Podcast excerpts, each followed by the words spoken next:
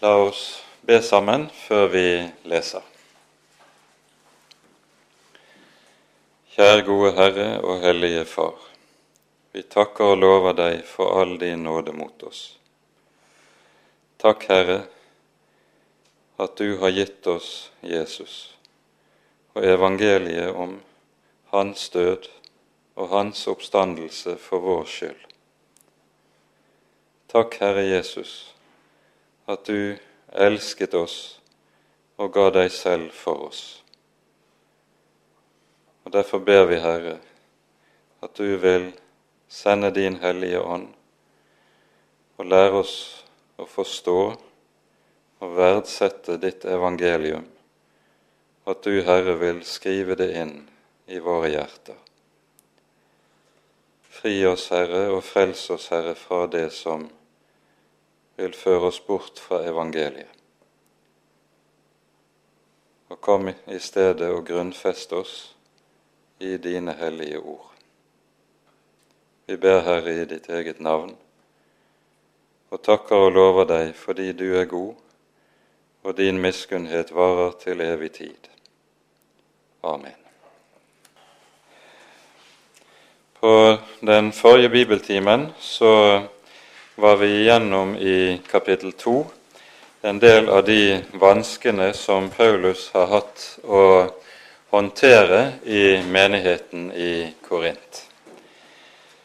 Det var jo slik at korintermenigheten var en problemmenighet, ikke bare for apostelen Paulus, men også, slik vi hører det senere, videre etter apostelens tid. Når eh, første Klemens brev skrives en 30 eh, år, kanskje 40 års tid etter korinterbrevene, så er dette brev som også er rettet til Korint, med tanke på en masse ugreie som fortsatt var i menigheten der. Og det er dette som eh, jo er foranledningen til andre korinterbrev. Og i kapittel 2 behandler Paulus for en del eh, denne ugreie og gleder seg over at menigheten har rettet opp i en god del av misforholdene. Det som eh, vi også var inne på sist gang, det er jo da slik at Paulus sine endrede reiseplaner som han behandler i slutten av kapittel 1 og i, gjennom kapittel 2, det henger sammen med et besøk Paulus hadde hatt i Korint, som nærmest var endt som en katastrofe. Han eh, hadde reist, måttet reise fra menigheten med så å si uforrettet sak, og dypt fortvilet har han måttet reise videre. Og eh, når han så har bestemt seg for ikke å besøke menigheten igjen, henger det sammen med at han har tenkt at det var godt for menigheten å få ting på avstand, at han selv ikke vendte tilbake og kom til å rippe opp i en del av de sårene som var etter det forrige besøket. Og så har han i stedet da skrevet et brev som han har sendt med Titus til menigheten i Korint. Så har Paulus da lagt ruten sin om i stedet for å ta sjøveien direkte over Egeahavet fra Efesos til Korint. Så har han tatt landveien nordover i eh, Lille Asia eh, og avtalt med Titus å møte ham helt på nordvestkysten i Lilleasia, i byen Troas. Der dukker Titus ikke opp, og eh, selv om Paulus opplever at det er en åpnet dør for evangeliet i Troas, så får han ikke ro på seg. Tilstanden i Korint volder han så mye uro at han må føler han må finne Titus og høre hvordan det er gått med Titus' besøk i Korint, for å få ro på seg. Så han reiser videre til Makedonia, og der treffer han da Titus, som kan bringe ham gode nyheter fra Korint. Og dette gleder apostelen inderlig, å se hvordan en god del av misforholdene nå er rettet opp, og menigheten ser ut til å være på vei tilbake til det rette og det gode forhold til apostelen som sin åndelige far. Og Dette blir nå foranledningen til det som vi leser om i avsnittet vi skal ha for oss i dag. Avsnittet som begynner i kapittel 2, vers 14, det er et avsnitt som strekker seg helt frem til syvende, et stykke ut i det syvende kapittel i 2. Korinterbrev. Og Her taler apostelen om apostolatet, om evangelieforkynnelsens embete, og hva det er som kjennetegner dette, og hva som er innholdet i denne tjeneste. Og det er en ganske inngående behandling Paulus gir av dette emnet som vi her har for oss. Vi begynner nå å lese sammen fra vers 14 i kapittel 2 eh, og et stykke utover i det tredje kapittelet. Men Gud være takk, som alltid lar oss vinne seier i Kristus, og ved oss åpenbare duften av kunnskapen om Ham på ethvert sted. For vi er Kristi vellukt for Gud, blant dem som blir frelst, og blant dem som går fortapt. For de siste en duft av død til død, for de første en duft av liv til liv. Og hvem er vel dugelig til dette? For vi er ikke som mange andre, slike som forfalsker Guds ord for å tjene på det, men i renhet, ja, som av Gud, taler vi for Guds åsyn i Kristus. Begynner vi nå igjen å anbefale oss selv, eller trenger vi kanskje anbefalingsbrev til dere eller fra dere, slik som visse andre? Dere er vårt brev, innskrevet i våre hjerter, kjent og lest av alle mennesker. For det er åpenbart at dere er Kristi brev, blitt til ved vår tjeneste, ikke skrevet med blekk, men med den levende Guds ånd, ikke på steintavler, men på hjertets kjødtavler. En slik tillit har vi til Gud ved Kristus. Ikke så at vi av oss selv duger til å uttenke noe som av oss selv, men vår dugelighet er av Gud han som også gjorde oss dugelige til å være tjenere for en ny pakt, ikke for bokstavens, men for Åndens pakt. For bokstaven slår i hjel, men Ånden gjør levende. Og vi stanser da der foreløpig.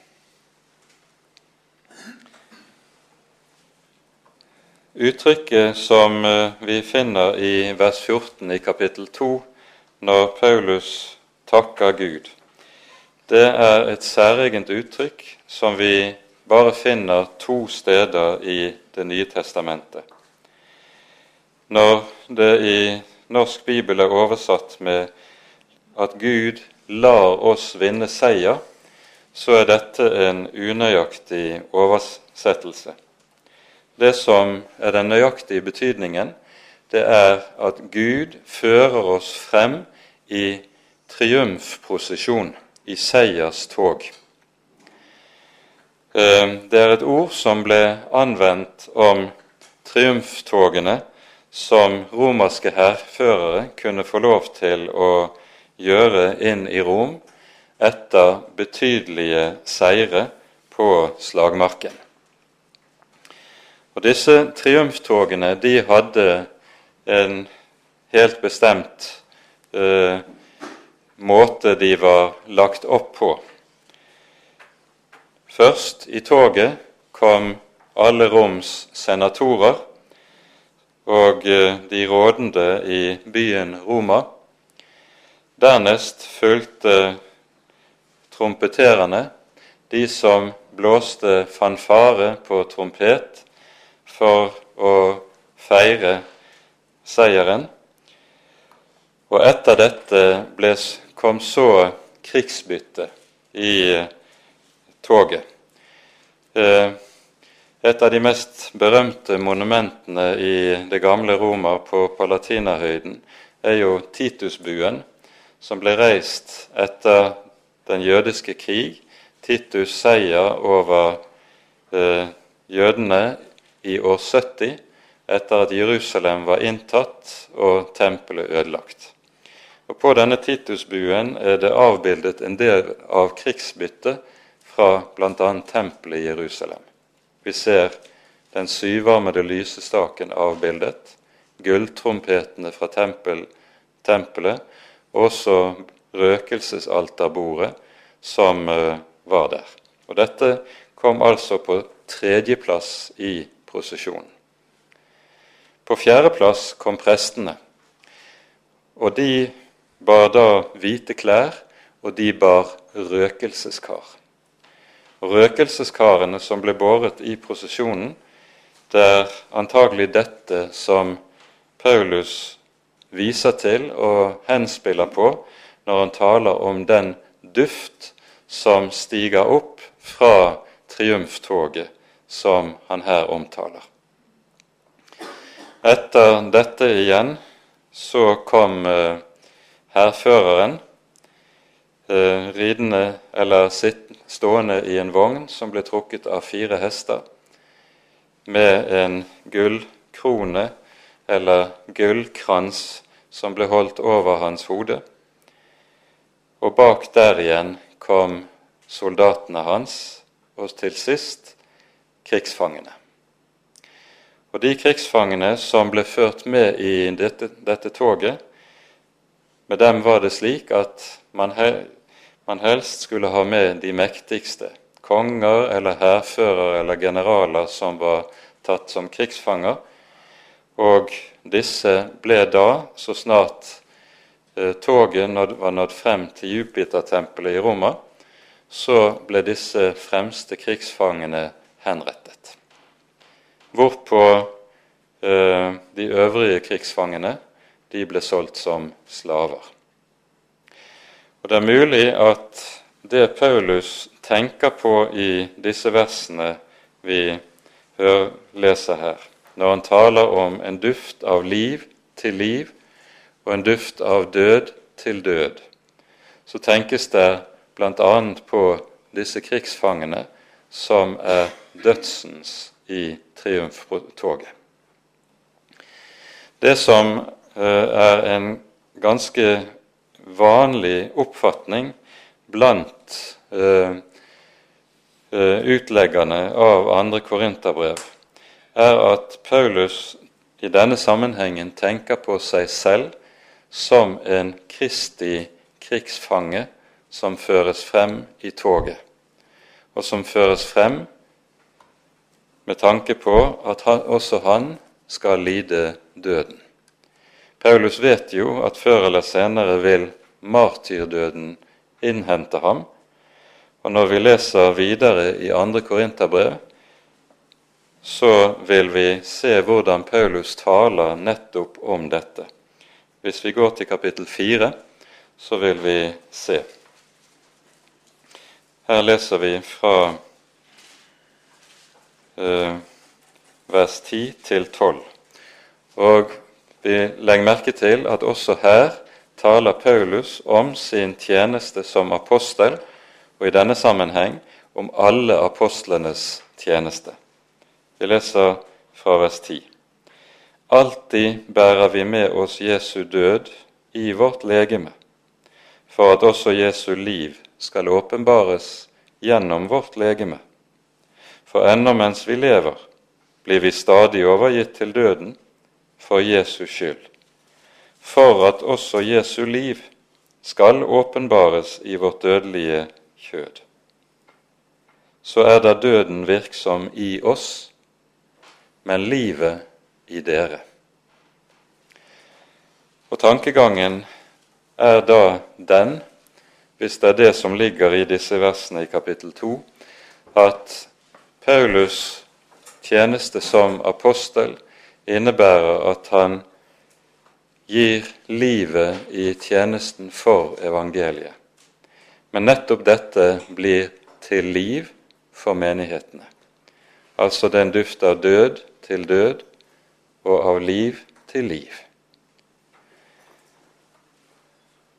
Samtidig så må vi også si det slik at når Paulus i vers 16 taler om at evangeliet har denne dobbeltheten i seg, en duft av liv til liv for de som blir frelst, en duft av død til død for de som går fortapt, så tenker han her på den doble virkning som evangelieforkynnelsen alltid har. Jesus sier jo selv uttrykkelig, eller Det sies om Jesus uttrykkelig i Simeons lovsang i Lukas 2. Denne er satt til fall og til oppreisning for mange.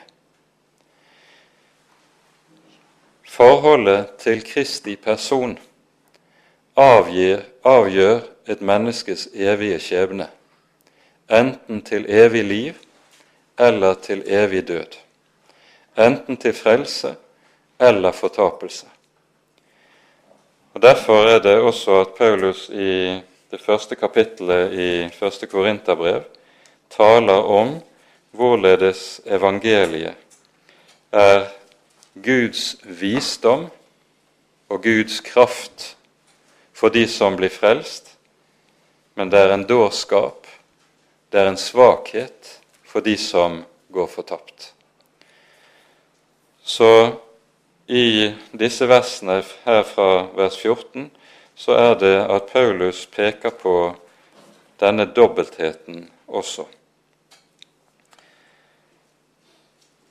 Når Paulus bruker ordet duft, så er det nok slik at i vers 14 så er det tale om seierstoget.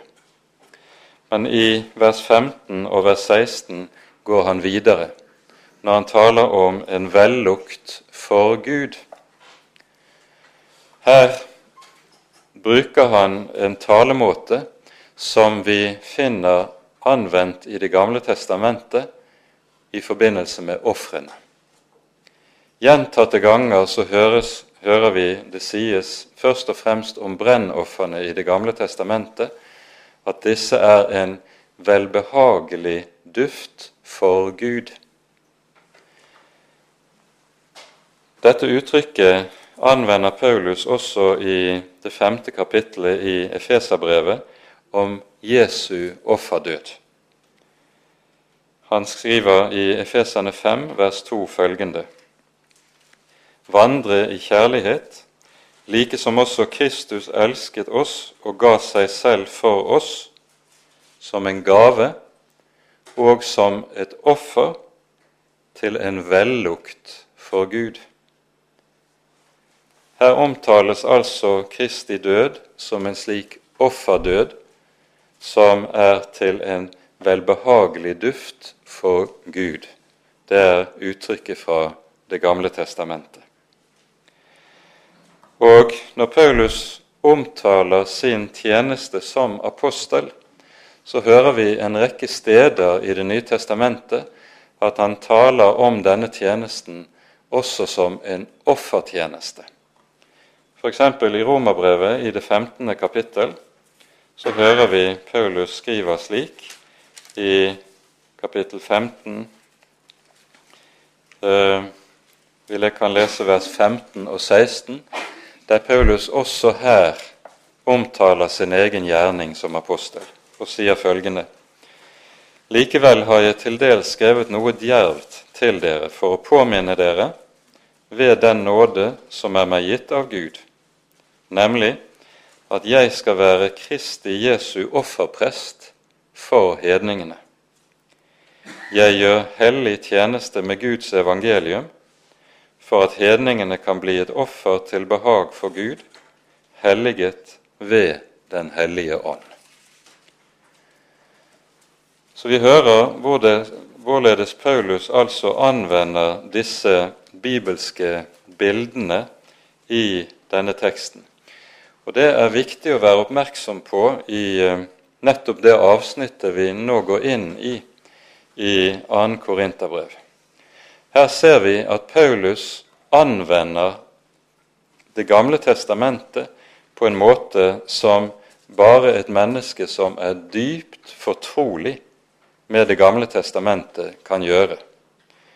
Han har liksom bare enkle hentydninger til ulike tekster, ulike eh, tanker som møter oss i Det gamle testamentet, uten å komme med direkte sitater, uten å skrive nærmere om hvor dette er å finne i Det gamle testamentet. Og Når han skriver på denne måten til menigheten i Korint, så innebærer det at han forutsetter hos korinterne en meget stor grad av fortrolighet med Det gamle testamentet og dets tankeverden. Det er antagelig seks år siden menigheten i Korint ble dannet gjennom apostelens tjeneste i byen, når eh, andre korinterbrev skrives. Og i løpet av seks år så har altså menigheten, som i alt vesentlig er en hedningekristen menighet, kommet til en så stor grad av modenhet i kjennskapet til Det gamle testamentet at han, apostelen kan skrive på denne måten og regne med å bli forstått av korinterne.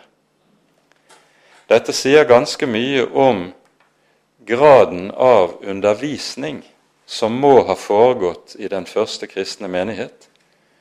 En undervisning som har skapt en fortrolighet i forhold til Skriftene som ikke var uvanlig blant kristne mennesker i vårt eget land for hundrede år tilbake, men som i dag er helt sjelden. Men denne fortrolighet med Skriftene den er ganske avgjørende med tanke på å forstå evangeliet rett og kunne nå til en grunnfestet forståelse av Guds ord. Vel, vi legger også merke til i disse versene at her er det slik at i vers 14 at det er evangeliet som er en slik duft. I vers 15 og i vers 16 så sier han det er apostlene som er en slik duft. Og Når Paulus taler på denne måten, så er det fordi han er ett med det budskap som han forkynner. Og Det er noe som er overmåte viktig å være oppmerksom på. Paulus er ett med det budskap han forkynner. Nettopp dette trekket ser vi ikke minst i Galaterbrevets første kapittel, når Paulus der taler om hvorledes eh, evangeliet er et ord som ikke er et menneskeord, som ikke er menneskeverk, men noe som er gitt av Gud. Og så bruker han sitt eget liv, sin egen bakgrunn, for likesom å dokumentere denne påstanden. Hadde det nemlig vært slik at evangeliet, som var noe han hadde suget, var noe som han hadde suget av sitt eget bryst, da hadde evangeliet sett totalt annerledes ut. Tenk på hvem jeg var før jeg møtte Jesus, skriver Paulus. Jeg var fariseer. I nidkjærhet etter loven gikk jeg lengre enn mine, alle mine brødre. Altså hadde det stått til han så hadde det vært et ganske annet evangelium som lød. Men i møte med Jesus så ble livet snudd på hodet, og nettopp dette at livet slik snus på hodet, det er det sterkeste vitnesbyrd at evangeliet det er noe som er han gitt, ikke som noe som er tatt, eller som han har tenkt ut av seg selv. Dette følger så opp i slutten av vers 16. Hvem er vel dugelig til dette? Til å være en slik duft iblant folkeslagene. Hvis det nemlig er evangeliet som forkynnes, og ikke bare noe som ligner evangeliet, noe som utgis for evangeliet. Hvis det virkelig er evangeliet som forkynnes, da er det Guds egen kraft som er i virksomhet. Dette er noe som nemlig mennesker ikke er dugelige til. Men evangeliet bevitner ved sin egen virkekraft at her er det Gud selv som taler og som virker gjennom dette budskap. Nettopp dette taler Paulus om i, ganske særlig i de to første kapitlene i første Korinterbrev. Og Jeg vil her gjøre oppmerksom på bare et par saker i eh, første Korinterbrev, i kapittel 1. Først sies det i vers 17 følgende og Dette er et vers som ofte glemmes når det tales om korsets ordet om korset som en dårskap i de påfølgende versene. Men Her sies, sier Paulus følgende.: Kristus har ikke utsendt meg for å døpe, men for å forkynne evangeliet. Og det ikke med vise ord, for at evangeliet ikke skal tape sin kraft. Legg merke til dette. Paulus sier med andre ord dersom han taler med vise ord, bruker den greske visdom, bruker den greske retorikk for å fremme evangeliet, for om mulig å nå lenger ut med evangeliet, da vil evangeliet tape sin kraft. Og Så vender Paulus tilbake til dette når vi kommer til kapittel 2. Og Da leser vi de fem første versene her om samme sak. Da jeg kom til dere brødre, kom jeg ikke med mesterskap i tale eller visdom, da jeg forkynte dere Guds vitnesbyrd. For jeg ville ikke vite av noe iblant dere uten Jesus Kristus og ham korsfestet. Jeg var hos dere i svakhet, under stor frykt og beven. Og min tale og min forkynnelse var ikke med visdoms overtalende ord, men med ånds og krafts bevis, for at deres tro ikke skulle være grunnet på menneskelig visdom, men på Guds kraft. Legg nøye merke til hvorledes apostelen her taler om sin fremtreden og sin opptreden i Korint. Han var hos dem i svakhet, i frykt og megen beven, hører vi. Han var ikke den stolte og sterke, men nettopp i hans egen skrøpelighet så fullkommes Guds kraft. Guds kraft fullendes i skrøpelighet. Det er en hovedsannhet som Paulus stadig vender tilbake til i 2. Korinterbrev. Og nettopp denne sannhet har korinterne sett for sine øyne da Paulus var hos dem. Han var hos dem i svakhet, skrøpelighet og megen beven. Og så hører vi i vers 5 for at deres tro ikke skulle være grunnet på menneskelig visdom, men på Guds kraft. Det er altså tale om en tro som ikke har noen menneskelig kilde. Det finnes nemlig en slags tro som bare har navn av tro, som er grunnet på menneskelig tanke og menneskelig visdom. Den som er av Gud, ved evangeliet, den er derimot grunnet på Guds egen kraft. For evangeliet har det med seg at i dette ord er Den hellige ånd nærværende og kraftig virksom til stede. Dette er det som Paulus taler om når han sier 'Hvem er vel dugelig til dette?' Det er Gud selv som er virksom til stede der evangeliet lyder rett forkynt. Det er poenget.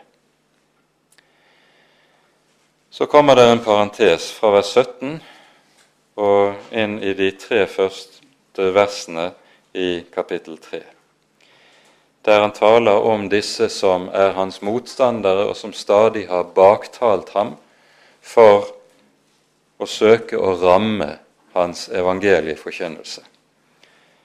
Vi er ikke som de mange andre, slike som forfalsker Guds ord for å tjene på det. Men i renhet, ja, som av Gud, taler vi for Guds åsyn i Kristus. Det uttrykket som her er oversatt med 'å forfalske Guds ord', det er et uttrykk som bokstavelig betyr å drive handel med. Vi er ikke sånne som driver handel med Guds ord. Evangeliet er ikke et budskap som skal selges, og som man skal da skaffe flest mulig kunder til. Når salgsmannen er ute og skal selge en vare, så reklamerer han for dette, like som for å dokumentere at her er nettopp det du liker, og det du trenger. Kunden har jo alltid rett. Og disse som driver handel med evangeliet, som Paulus taler om her, det er slike som tilpasser evangeliet etter hva folk liker, etter hva folk ønsker å høre, hva som er populært, og det som styrer dette, er egeninteresse. Enten trangen til å gjøre penger på evangeliet, eller på annen måte få fremgang og ære og eh, flest mulig tilhengere blant menneskene. Enten det nå er det ene eller det andre, det er egeninteressen som alltid styrer det å søke å tilpasse evangeliet til hva mennesker måtte like. Og Her tror jeg vi skal ganske kort i en parentes gjøre oppmerksom på noe som er en meget betydelig fare innenfor meget av den moderne kristenhet i Vesten. Vi ser dette både innenfor den kristne bokbransjen og den kristne musikkbransjen, der det dessverre må sies at det i vesentlig grad er tale om betydelige økonomiske interesser som driver det som skjer. Og På den måten så skjer det også innenfor store deler av begge disse bransjeområdene at en, vi ser en tilpasning til det som er vanlig innenfor den kommersielle verden. Og du får den kommersielle verdens virkemidler som der gjøres bruk av innenfor disse bransjeområdene. Dette er i den aller dypeste strid med evangeliets vesen og med evangeliet, ikke minst, slik som apostelen Paulus forkynner det her. Vi må også i denne sammenheng nevne de såkalte herlighets- eller fremgangsteologene som eksempler på noe av det vi her hører omtalt. I, vi ser ikke så meget av det i skandinavisk kristenliv nå lenger. Det har vært en periode der dette fikk betydelig gjennomslag, eh, ikke minst da eh, Livets ord i Sverige f.eks. var på sitt største eller mest fremgangsrike. Men da hentet en inn lærefedre fra USA som representerte evangel en evangelieforkynnelse som lovet mennesker fremgang i verden dersom de bare ble kristne. Det skulle bli økonomisk velstand, man skulle ha suksess på alle livsområder, en skulle ikke bli syk, osv. Og Noen av disse fremgangsteologene som man ser eksempler på i amerikansk kristenliv, de skal liksom dokumentere sannheten ved sitt budskap med at de har seks Mercedeser stående i garasjen. Én for hver dag i uken, og på søndagen kjører de Rolls-Royce. Dette er en karikatur av det evangelium som apostelen forkynner. Et evangelium som kostet ham livet. Og mens, før han led martyrdøden, så var det slett ikke slik at det var fremgang og herlighet og suksess. Paulus lister opp i det ellevte kapittel hva han må tåle av motgang, trengsel og lidelse for evangeliets skyld. Det er noe ganske annet det evangelium som apostelen taler om. Vi er ikke som de som driver handel med evangeliet sier han. Og det gjelder Når han sier 'vi', så taler han om alle apostlene og deres tjeneste. Og så fortsetter han, men i renhet, ja, som av Gud, taler vi for Guds åsyn i Kristus. Og Her bruker Paulus det uttrykket som vi første gang møtte i kapittel 1, når det står 'som i renhet'. Det er et uttrykk som betyr det at noe løftes opp i lyset, og så tåler det å bli prøvet i lyset. Det er det som er betydningen av dette uttrykket 'som i renhet'. Det er altså tale om en tjeneste som tåler dagens lys. Med dagens uttrykk så kunne vi si det slik Paulus er transparent i alt han gjør. Han har ingenting å skjule. Han har ingen skjulte eller fordekte motiver som driver ham i tjenesten. Alt hva han er, alt hva han gjør, alt hva han lever, vær så god, det ligger åpent for dere i dagen. Kom og prøv, om så skulle være. Og Så lyder det i fortsettelsen dette har vi talt meget om tidligere, så vi går ikke meget inn på det i dag. Men han bruker tre uttrykk når han taler om sin forkynnelse. For det første sier han 'vi taler som av Gud'. For det andre sier han 'vi taler for Guds åsyn'. Og for det tredje sier han 'vi taler i Kristus'. Og Dette er, slik det er formulert i grunnteksten, tre sideordnede uttrykk som det kan være viktig å notere seg, nettopp denne sideordningen. Han bruker tre, disse tre særegne uttrykk for å beskrive kjernen i sin forkynnelse. For det første sier han 'som av Gud'. Med det peker han på hva som er kilden til det evangelium han forkynner. Det er, som vi allerede har vært inne på, ikke noe han har suget av sitt eget bryst, men det er noe som er Gud gitt. I Galaterbrevet 1, kapittel vers 11, skriver han følgende.: Jeg kunngjør dere brødre at det evangelium som er forkynt av oss, ikke er menneskeverk. Ja, nettopp det er saken. Det er av Gud, det er ikke av mennesker. Og evangeliet målbærer Guds tanker, ikke menneskers tanker.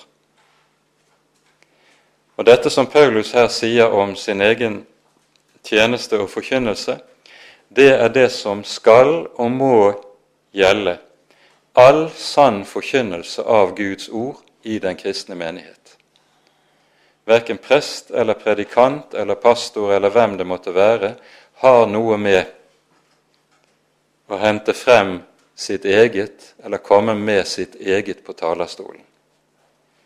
Når en er satt til å preke i Guds hus og i Guds rike, så har en fått fullmakt til å tale Guds ord og intet annet. Og våger en seg til å tale noe annet enn det som er gitt av Gud i de hellige skrifter, da går en utover de fullmakter, de plikter, som Gud har satt en til og kalt en til. Dernest sier han vi taler som for Guds åsyn, altså ikke som for menneskers åsyn. I det ligger det at apostelen ikke tar hensyn til hva mennesker måtte mene eller synes om det han forkynner og det han taler. Det eneste han tar hensyn til, er hva Gud tenker og hva Gud mener om hans tjeneste og om det han forkynner. Han taler for Guds åsyn, ikke for menneskers åsyn. Og til sist han taler i Kristus. Hele hans forkynnelse, like som hele hans liv, det er et liv som består i livs samfunn og livs fellesskap med den Herre Jesus. Vi nevner ordene i Galatane 2,20 som er Paulus' valgspråk som uttrykk for nettopp dette. Jeg er korsfestet med Kristus. Jeg lever ikke lenger selv, men det liv jeg nå lever, det lever jeg i troen på Guds sønn, som elsket meg og ga seg selv for meg. Han lever i Kristus og ved Kristus. Og det gjelder også i høy grad om hans forkynnelse. Så kommer vi til kapittel tre, der Paulus stiller spørsmålet begynner vi nå igjen å anbefale oss selv. Eller trenger vi kanskje anbefalingsbrev til dere eller fra dere, slik som visse andre? Det er tydelig at disse falske forkynnere som har gjestet Korint, de har kommet med et eller annet anbefalingsbrev for å kunne legitimere seg. Og Så har de anklaget Paulus og sagt at han har jo ingen slik anbefalingsbrev som kan legitimere han. Og Der ser dere hvor svakt han stiller. Det Paulus her omtaler, er noe som kom til å bli en viktig skikk eller sed i oldkirken. Når en kristen var på reise, så var det vanlig at han fikk med seg et brev fra presten eller biskopen i sin lokale menighet, som hadde han med seg til byen som han besøkte. Og Når han så kommer til byen og gjester menigheten der, så kan han vise frem brevet og Det innebærer at han inkluderes som en kristen, og når menigheten samles, så har han lov også til å besøke nadværbordet.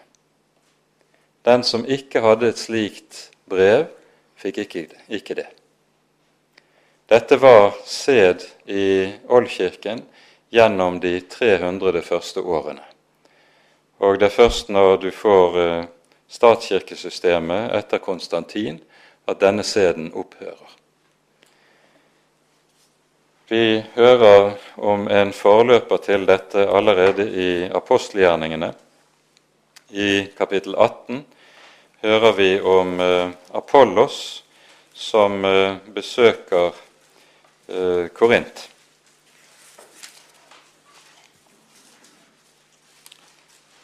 Unnskyld meg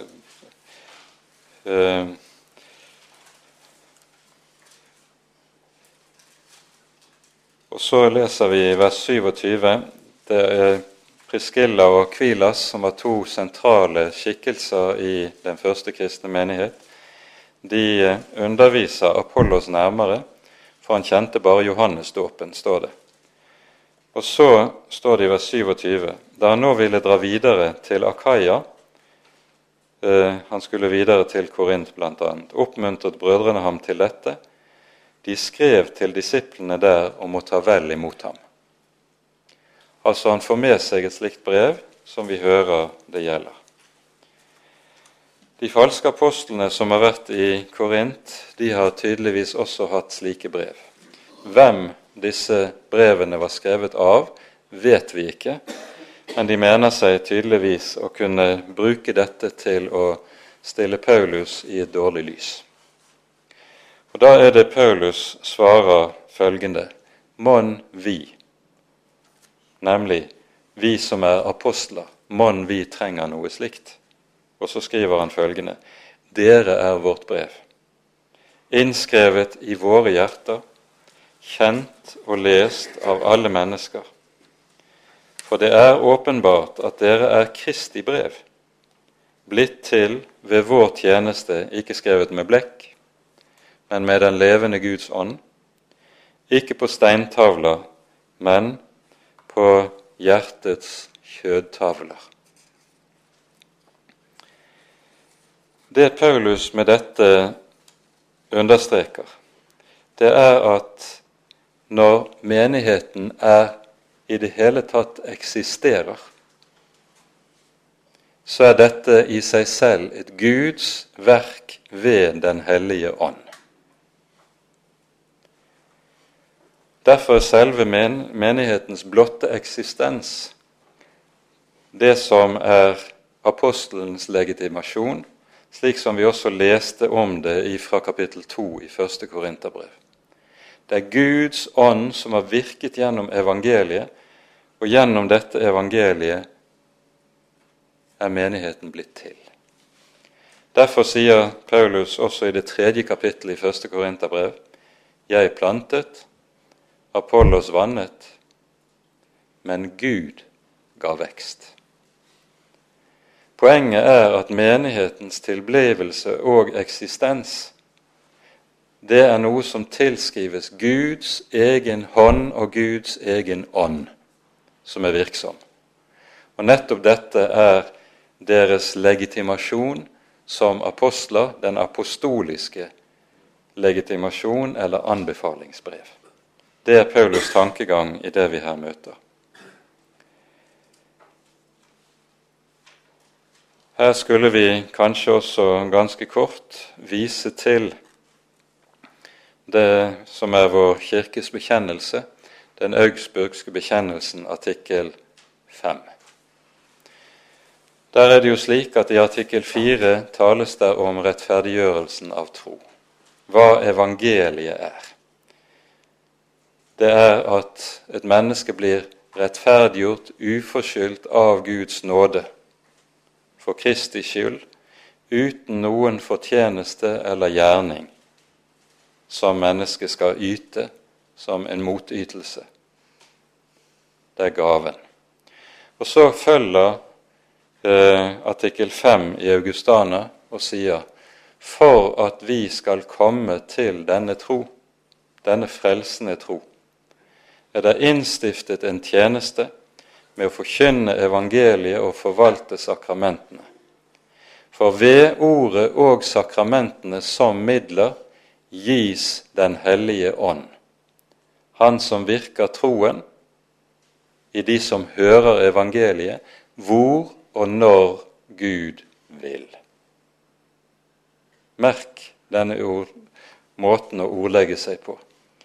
Det er Gud som virker gjennom nådemidlene, og som skaper troen, og der troen skapes, der skapes det menighet. Det er poenget i det som sies, og det samme sak Paulus nå taler om i denne sammenheng. Nå bruker Paulus underlig, en underlig talemåte i det vi hører her. Han sier først 'Dere er vårt brev, innskrevet i våre hjerter'. Og At korinterne ligger i Paulus' hjerte, det forstår vi av hvorledes Paulus omtaler eh, forholdet sitt til menigheten i Korint, slik som vi har sett det i eh, de foregående kapitlene. Menigheten i Korint er en menighet som Paulus elsker meget høyt. Når han kan skrive sånn som vi hører det i kapittel 6 i første Korinterbrev, dere er dyrt kjøpt. Dere er dyrt kjøpt. Da taler han om hvorledes Jesus ved sitt blod har frelst og kjøpt dem fri. Så taler han der med ganske selvsagt her om evangeliet og hva det er. Men samtidig så er det også slik at denne tjenesten har kostet Paulus også meget. Og så ligger de, de i hans hjerte. Det er som barn for Paulus som sin far. Og en rett far, han elsker sine barn høyt. Dere er innskrevet i våre hjerter, kjent og lest av alle mennesker. Og så kommer det, og nå dukker Paulus på ny ned i henvisninger til Det gamle testamentet. For det er åpenbart at dere er Kristi brev, blitt til ved vår tjeneste, ikke skrevet med blekk, men med den levende Guds ånd, ikke på steintavler, men på hjertets kjødtavler. Og Nettopp det som Paulus nå gir seg inn i, det blir en utleggelse av sentrale avsnitt i Det gamle testamentet. Når han taler om steintavler, så tenker han jo på det som fortelles om lovens åpenbaring ved Sinai, og som vi hører om i 2. Mosebok fra kapittel 24 til 32. Moses mottar steintavlene. På steintavlene er de ti Guds bud skrevet inn, og de er innskrevet, sies det, med Guds finger. Med Guds finger. Og så taler profeten Jeremia i det 31. kapittel om den nye pakt, som skal skrives inn i menneskenes hjerter. Og om denne nye pakt Vi leser Jeremia kapittel 31 fra vers 31 til 34. Så hører vi at den innskrives ikke på steintavler, men i hjertene. Se, dager kommer, sier Herren, da jeg vil opprette en ny pakt med Israels hus og med Judas hus. Den skal ikke være som den pakten jeg opprettet med deres fedre på den dag da jeg tok dem ved hånden og førte dem ut av landet Egypt, den pakt med meg som de brøt, enda jeg var deres ektemann, sier Herren. Men dette er den pakt jeg vil opprette med Israels hus etter de dager, sier Herren. Jeg vil gi min lov i deres sinn og skrive den i deres hjerter. Jeg vil være deres Gud, og de skal være mitt folk. De skal ikke lenger være, lære hver sin neste og hver sin bror og si:" Kjenn Herren. For de skal alle kjenne meg, både små og store, sier Herren. For jeg vil forlate deres misgjerning og ikke lenger minnes deres synd. Her hører vi om den nye pakt, som altså er grunnleggende forskjellig fra den gamle pakt. Den gamle pakt var innskrevet på steintavler, Guds hellige lov. Den nye pakt er innskrevet i hjertene og grunnet på syndenes forlatelse, evangeliet for jeg vil forlate deres misgjerninger og ikke mer komme deres synder i hu. Det er grunnlaget for den nye pakt. Og det er det Paulus nå altså gir seg inn i og taler nærmere om i de følgende vers.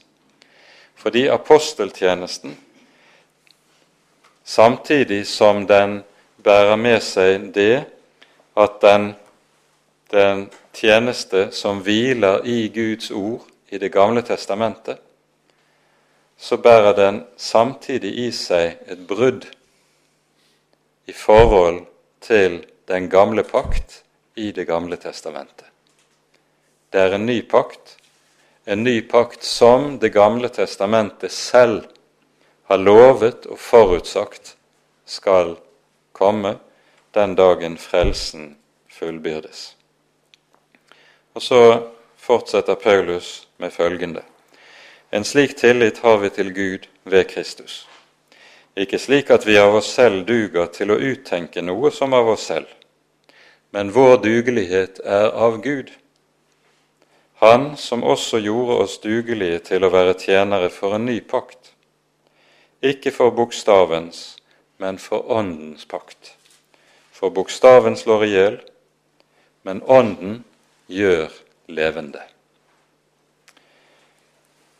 Og Her er vi jo fremme ved et av de kanskje aller mest misbrukte ordene som vi finner i Det nye testamentet. Bokstaven slår i hjel, men Ånden gjør levende. Det er et ord som gjerne siteres av alle som ikke liker det som Bibelen sier bokstavelig. Og så bruker man eh, dette ordet, siterer dette ordet for liksom å slippe unna det som er Bibelens egen ordlyd. Det er en misbruk av bibelteksten. For det Paulus taler om når han taler om bokstaven her, det er nettopp hvorledes Guds hellige lov var innskrevet med bokstaver på steintavler. Bokstaven som slår i hjel, det er Guds lov. Og Ånden som gjør levende, det er evangeliet.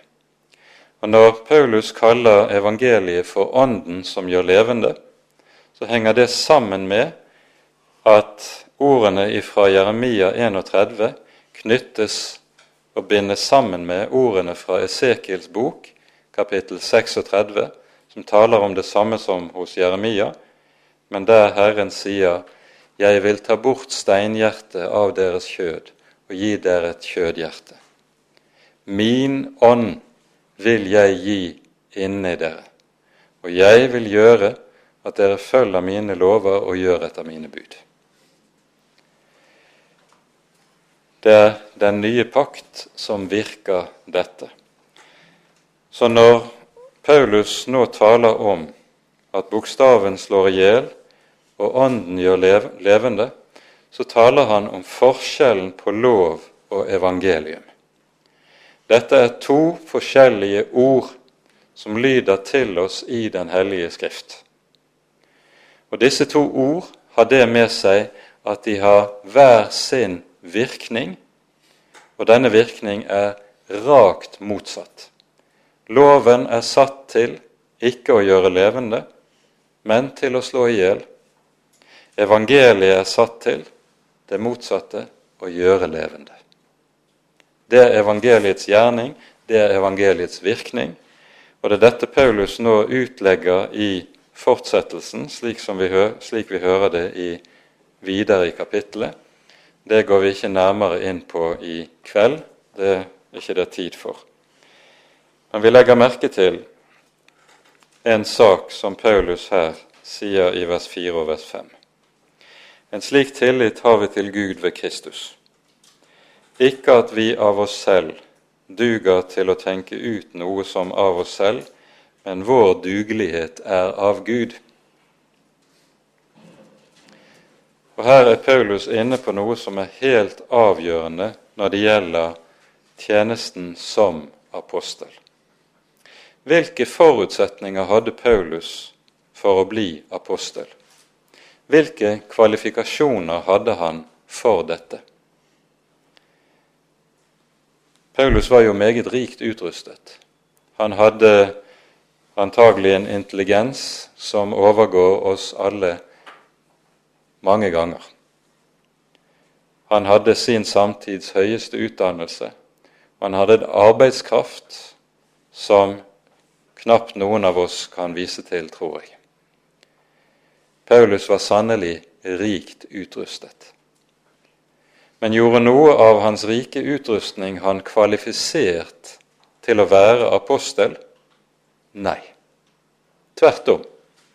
Når Paulus skriver om dette, som han gjør det i Filippabrevet i det tredje kapittel, så sier han at nettopp dette som er hans rike utrustning, det er noe som han måtte kaste på skraphaugen.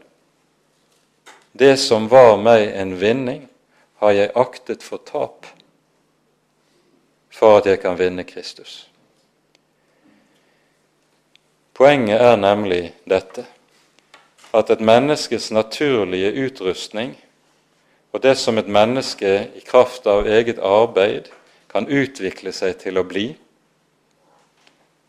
det sier noe kanskje om hvor langt et menneske kan nå, men det gjør et menneske ikke brukbart i Guds rike. I Guds rike trengs det noe ganske annet.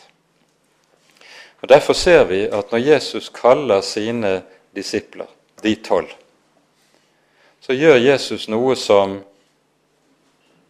er aldeles uforstandig menneskelig bedømt. Det har vært sagt om Jesu utvelgelse av apostlene at dersom en bedriftsleder gikk frem med å velge medarbeidere slik Jesus gjorde når han valgte apostlene, ville han bli regnet som ikke riktig klok. For han velger mennesker som ikke har forutsetninger for det de kalles til å gjøre. Og så innbiller de seg jo periodevis at de har både det ene og det andre å fare med, nemlig at Jesus, når han har kalt dem, så har han kalt dem fordi han har bruk for dem. Men så lenge disiplene tenker at Jesus har bruk for dem, kan han ikke bruke dem.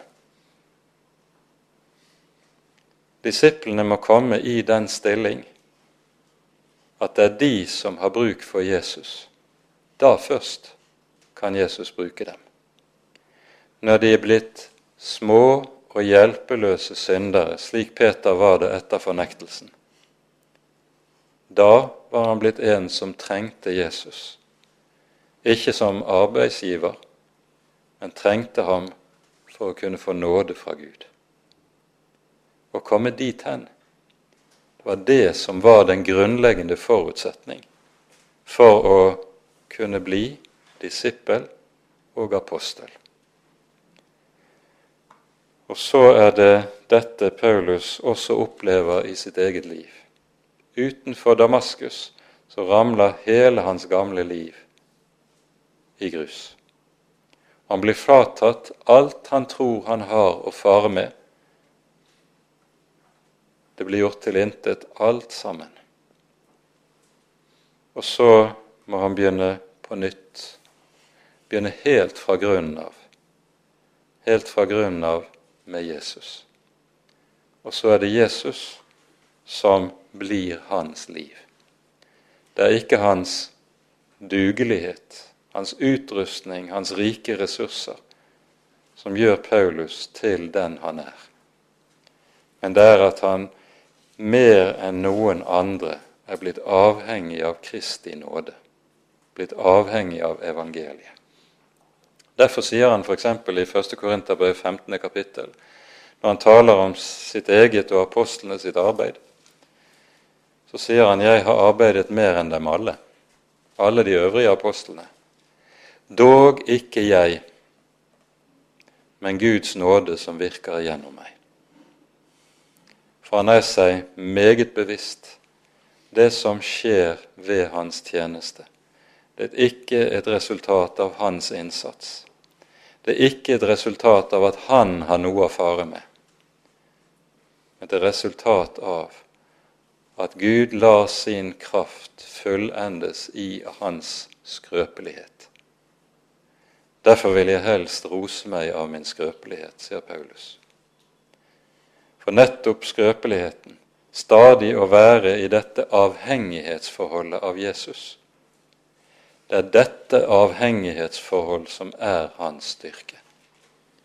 Og når jeg er svak, da er jeg sterk, sier han. Det er dette paradoks som dirrer gjennom hele andre korinterbrev. Paulus taler ikke bare for å si det som er riktig når han sier dette. For han er det selve livet. Vår dugelighet er av Gud. Med det setter vi punktum for kveldens bibeltime og fortsetter neste gang i kapittel 3. Ære være Faderen og Sønnen og Den hellige ånd, som var og er og være skal en sann Gud, høylovet i evighet. Amen.